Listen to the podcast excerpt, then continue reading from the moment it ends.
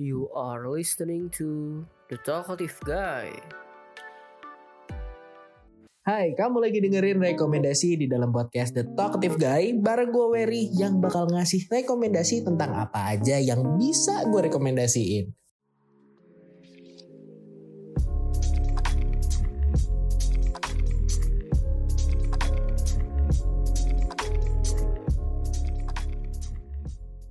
Kondisi pandemi udah kita alamin kurang lebih hampir 2 tahun ya teman sharing. Ini imbasnya di dunia dan di Indonesia juga dan sampai-sampai kita udah ngerasain tuh PSBB, lockdown dan yang baru-baru ini adalah PPKM, pemberlakuan pembatasan kegiatan masyarakat. Mulai dari PPKM darurat, PPKM level 4. Mohon maaf nih PPKN apa? Geprek bensu. Tapi untuk yang lain ini intinya adalah kita harus banyak stay di rumah. Kalau mau keluar pun tetap harus mematuhi protokol kesehatan. Tapi gue ngerasain banget sih efek dari ngikutin protokol kesehatan ya. Karena beberapa bulan lalu gue mulai agak nurunin tuh protokol kesehatan. Dan alhasil di tanggal 6 Juli 2021 gue harus terjangkit virus COVID-19 dan harus ngejalanin isolasi mandiri sampai 1 Agustus 2021 kurang lebih nih gue satu bulan gak bisa masuk kantor dan itu rasanya gak enak banget temen jaring. Yang pertama gue gak bisa ngapa-ngapain. Yang kedua gue gak bisa kerja yang ketiga gue gak punya pemasukan pengeluaran banyak. Beli makanan beli obat dan beli alat-alat kesehatan lainnya. Aduh pedih banget. Tapi sebagai jomblo yang udah bertahan kurang lebih 8 bulan sampai satu tahun kalau nggak salah selama isoman kemarin gue bener-bener nggak ada kegiatan yang enak buat dilakuin. Karena pertama gue yang ngajak chat nggak ada. Yang ngajak teleponan juga nggak ada. Ya gimana orang jomblo tapi dengan hal tersebut gue harus jadi mikir kreatif lagi harus lebih bisa mengembangkan apa yang kira-kira bisa gue lakuin Nah, di sini gue pengen ngasih rekomendasi buat teman sharing yang mungkin sekarang lagi isolasi mandiri juga. Tapi rekomendasinya nggak cuma yang biasa-biasa aja. Di sini gue bakal rekomendasiin kegiatan isoman yang nyeleneh. Untuk hal pertama yang bisa kamu lakuin selama isolasi mandiri pastinya adalah nonton film. Udah pasti lah kalau bosen kan yang dilakuin itu nonton film entah itu dari Netflix, Disney Hotstar, atau HBO Max dan beberapa streaming film yang lainnya. Dan nonton juga jadi hal yang gue lakuin sih selama isoman. Karena gue keranjingan banget nonton series Prison Break dari season 1 sampai season 5. Dan gue di sini benar-benar kebawa sih. Sama strategi-strategi Wentworth Miller, aka Michael Scofield, yang gue tahu banget dia ini pernah main di series The Flash juga sebagai Captain Cold yang awalnya itu musuh dari The Flash tapi at some point mereka itu bekerja sama buat ngelawan villain yang sangat kuat. Man Scofield kalau di Prison Break ini dia bersaudara sama Dominic Purcell aka Lincoln Burrows. Jadi dua kakak beradik ini selalu punya cara-cara yang mind blowing buat ngebebasin satu sama lain dari penjara. Yang sampai nih di season 4, Scofield itu dibuat mati pas mau bebasin Sarah istrinya dari penjara. Walaupun di season 5 ternyata itu cuma rekayasa. Sebenarnya Scofield nggak mati dan dia masuk penjara lagi di Ogigia Prison di Yaman. Dan ceritanya ini benar-benar bikin betah sih kalau menurut gue ya. Dan buat kita ikut ngerangkai strategi di kepala gitu. Kalau ada teman sharing yang suka series dengan genre misteri, dan action, series ini cocok banget sih buat nemenin isolasi mandiri kamu. Tapi kalau semuanya udah ditonton nih dan kamu bosan nonton film baru yang itu-itu aja, kayaknya Wery punya rekomendasi yang nyeleneh yang bisa kamu lakuin selama isolasi mandiri. Mungkin kamu sekarang udah bisa untuk nonton film tahun 70-an.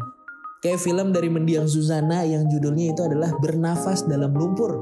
Film ini men-sharing nyeritain tentang Supinah atau Yanti yang diperanin sama Mendiang Suzana yang terpaksa ninggalin anaknya di kampung untuk mencari suaminya yang udah lama berusaha di Jakarta. Tapi harapan ini pupus pas tahu suaminya itu udah nikah lagi dan malah musir dia dari tempatnya. Dan hal ini ngebuat Supina atau Yanti ini terlunta-lunta di kota. Ia terperangkap masuk jaringan perdagangan wanita Dan akhirnya dia ketemu tokoh yang namanya Budiman yang diperanin sama Rahmat Kartolo. Dia adalah anak orang berada yang bertaruh sama teman-temannya untuk bawa pacar ke suatu pesta. Dan itu merupakan awal dari perubahan perjalanan hidup Supina. Setelah dia melewati liku-liku peristiwa kayak tekanan orang yang ngejual dia atau di sini kita tahu namanya geremu ya. Terus juga Budiman ini juga mendapat tekanan dari orang tua dan akhirnya Budiman ngejar ke kampung halaman Supina dan buat ngajak dia nikah. Tapi ternyata Supina atau Yanti ini telah meninggal. Itu sedikit sinopsisnya aja teman sharing dan catatannya nih. Cerita asli dari film ini pernah dimuat bersambung dalam majalah Varia yang kerjasama dengan Prospect Trading Koi itu adalah perusahaan dari Hong Kong dan ini menjadi film Indonesia pertama yang menonjolkan seks, pemerkosaan dan dialog-dialog kasar. Film ini malah pernah dilarang diputar di Bandung. Tapi film ini tetap laris dan cukup menghebohkan. Dan dari sini kita bisa tahu ya, betapa bebasnya film di masa itu. Ups. Selanjutnya, setelah kamu menonton, kalau masih banyak waktu luang yang harus diisi, rekomendasi selanjutnya adalah dengan membaca. Jadi selain nonton, kamu juga bisa ngisi waktu dengan membaca. Kayak baca komik, baca novel, ataupun kalau mau nambah wawasan nih, kamu bisa ngebaca buku-buku tentang self-development. Tapi kalau misal kamu adalah orang yang gak mau sama kayak orang lain, atau gak mau sama kayak orang kebanyakan, pas lagi isolasi mandiri, rekomendasi nyeleneh dari Wery adalah kamu bisa membaca kurva Bitcoin, membaca pergerakan Messi saat El Clasico, siapa tahu setelah isoman kamu bisa langsung jago main saham atau malah bisa jadi pelatih Barcelona.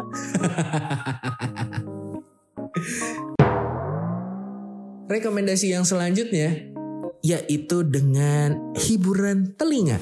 Jadi kalau isoman kita biasanya pengen maksimalin istirahat ya teman sharing. Dan kamu bisa ngasih hiburan buat telinga kamu. Misal dengerin musik dari aplikasi streaming musik atau podcast kayak denger podcast The Talkative Guy ini. Dan masih banyak lagi podcast-podcast yang bisa kamu dengerin di Spotify. Tapi kalau kamu mau ngelakuin hal yang baru dengan memberi asupan hiburan baru di telinga, temen sharing bisa ngedengerin omelan-omelan orang tua. Jadi ketika udah beraktivitas normal lagi pas orang tua ngomel kamu udah terbiasa. Cenderung udah kebelah pas dengerin omelan orang tua dan bisa menjadi pribadi yang lebih sabar dan tahan emosi. Rekomendasi isolasi mandiri selanjutnya, kamu bisa melakukan meditasi. Jadi meditasi ini fungsinya untuk meningkatin kesadaran diri mendukung kemampuan fokus secara umum dan ngurangin emosi negatif. Jadi kalau orang-orang yang suka overthink, terus juga orang-orang yang suka keganggu lah mentalnya dan pikirannya, meditasi ini jadi salah satu cara untuk menenangkan diri. Dan meditasi ini punya beberapa jenis seperti meditasi konsentrasi yang kamu lakuinnya bisa dengan fokus pada satu suara, bayangan, tarikan napas, atau kata-kata yang diucapkan atau dinyanyikan. Yang kedua, kamu juga bisa melakukan meditasi kesadaran yang tujuannya biar pelakunya sadar akan perasaan, pikiran, suara, atau bayangan yang melintas di pikirannya. Nah, kalau cara meditasi itu pada umumnya itu adalah dengan memfokuskan pikiran, terus kita bernafas secara perlahan dan duduk dengan tenang. Nah, misalnya di sini teman sharing ada yang kesulitan dalam menambah fokus ada cara untuk kamu bisa menambah fokus yaitu dengan kamu menaruh lilin yang ada di depan kamu lalu fokuskan pandangan ke lilin tersebut. Cuman di sini itu biasa aja. Kalau rekomendasi dari Wery yang nyeleneh yang bisa kamu lakuin adalah mungkin lilinnya kamu bisa taruh di atas kepala. Selain menambah fokus, itu juga bisa buat kamu melatih keseimbangan. Siapa tahu selesai isoman udah siap jadi model. Setelah bermeditasi, setelah keadaan juga sudah cukup membaik, kegiatan isolasi mandiri selanjutnya adalah dengan berolahraga. Jadi untuk bikin tubuh ini lebih cepat recovery-nya lagi, kamu bisa ngelakuin olahraga-olahraga kecil yang dianjurkan nih. Jadi selain menghilangkan bosan, itu juga bisa ngebuat tubuh lebih bugar Untuk workoutnya itu gampang aja. Banyak banget workout-workout di rumah yang bisa kamu lakuin. Kayak contohnya kamu ngelakuin plank. Yang kamu nahan badan dengan kedua tangan kamu. Terus juga kamu bisa ngelakuin side planks, jumping jack, dan kamu juga bisa ngelakuin squat buat ngelatih otot kaki. Kamu bisa push up dan lunges. Ini bisa dilakuin semuanya di rumah tanpa bantuan alat apa pun. Nah misalnya kamu bosen dengan olahraga atau workout yang ada di rumah ini, Wery ada rekomendasi yang cukup nyeleneh olahraga yang bisa kamu lakuin selama isolasi mandiri, yaitu mungkin kamu bisa ngelakuin olahraga flying fox dari lantai atas rumah ke bawah, atau loncat indah ke kasur, atau olahraga tolak balak biar gak sial. Setelah olahraga, pasti kan keringat udah keluar, pasti kita lapar. Nah sebelum kita makan itu kita harus memasak makanan. Itu bisa jadi cara kita untuk mengisi waktu luang selama isolasi mandiri. Jadi melatih masak selain bisa ngisi waktu nih, tapi juga bisa nambah skill dengan resep yang bisa kita cari di internet. Kebanyakan orang itu banyak sekarang tuh lagi buat kue tanpa oven. Tapi kalau kamu orangnya ah nggak mau ah ikut-ikutan sama orang, gue pengen ngelakuin atau masak menu-menu yang baru. Mungkin kamu bisa mulai memasak dari olahan daging teripang atau kamu bikin es krim nasi padang dan buat es krim kerak telur. Siapa tahu setelah isolasi mandiri kamu nemuin resep baru buat dijadiin usaha. Lumayan kan? Ngabisin waktu di rumah, selesai isolasi mandiri, punya usaha jadi entrepreneur. Setelah masak jangan lupa peralatannya dibersihin. Nah, jadi bersih-bersih juga bisa mengisi waktu isolasi mandiri kita. Mulai dari bersih-bersih rumah, bersih-bersih kamar, atau bersih-bersihin barang-barang yang jarang kita pakai. Atau mungkin teman sharing juga bisa ngikutin nih metode yang dikasih sama Mary Kondo dengan metode KonMari yang inti dari metode ini adalah kita mempertahankan barang yang bikin senang saat memakainya dan membuang barang-barang yang enggak buat kita senang pas memakainya. Lalu kamu bisa mulai ngerapiin juga folder-folder yang ada di laptop, email dan lain-lain. Tapi ini bersih-bersihnya terlalu standar ya menurut Wery. Ini Wery bakal ngasih rekomendasi bersih-bersih yang nyeleneh yang bisa kamu lakuin selama isolasi mandiri. Yaitu kamu bisa membersihkan pikiran dari pikiran kotor atau kamu bisa bersihin pikiran buat balikan sama mantan yang udah bahagia sama pacar barunya. Jangan, jangan, jangan, jangan. Setelah kita ngelakuin bersih-bersih selama isolasi mandiri, kita juga bisa berbuat baik kepada sesama. Misalnya dengan kita ngelakuin donasi. Nah, kan di masa pandemi ini banyak banget nih orang yang ngalamin kesulitan. Jadi kalau kita punya uang lebih untuk donasi itu juga bisa jadi pilihan saat mengisi waktu kegiatan isolasi mandiri. Kamu bisa ngelakuin donasi, itu simple kok. Misalnya kamu lagi pesan makanan online via driver ojol nih, ojek online. Kamu bisa ngasih tips ke drivernya. Atau kamu juga bisa ikut donasi dari pihak-pihak yang melakukan penggalangan dana resmi. Tapi di sini Wery punya rekomendasi lain untuk donasi, mungkin kamu bisa melakukan donasi kasih sayang terhadap jomblo-jomblo di luar sana. Biar mereka nggak ngerasa kesepian. Dan juga kamu bisa ngelakuin donasi kasih sayang kepada sesama yang sedang berjuang menghadapi virus COVID-19. Siapa tahu nih, setelah kamu memberikan donasi kasih sayang, coba aja dulu ngobrol nyambung, siapa tahu cocok. Dan yang terakhir, rekomendasi kegiatan selama isolasi mandiri adalah telepon keluarga dan teman. Kegiatan ini bisa kamu lakuin buat mendekatkan diri lagi nih sama keluarga yang udah jarang berhubungan atau kamu bisa menghubungi teman-teman kamu yang udah jarang banget komunikasi.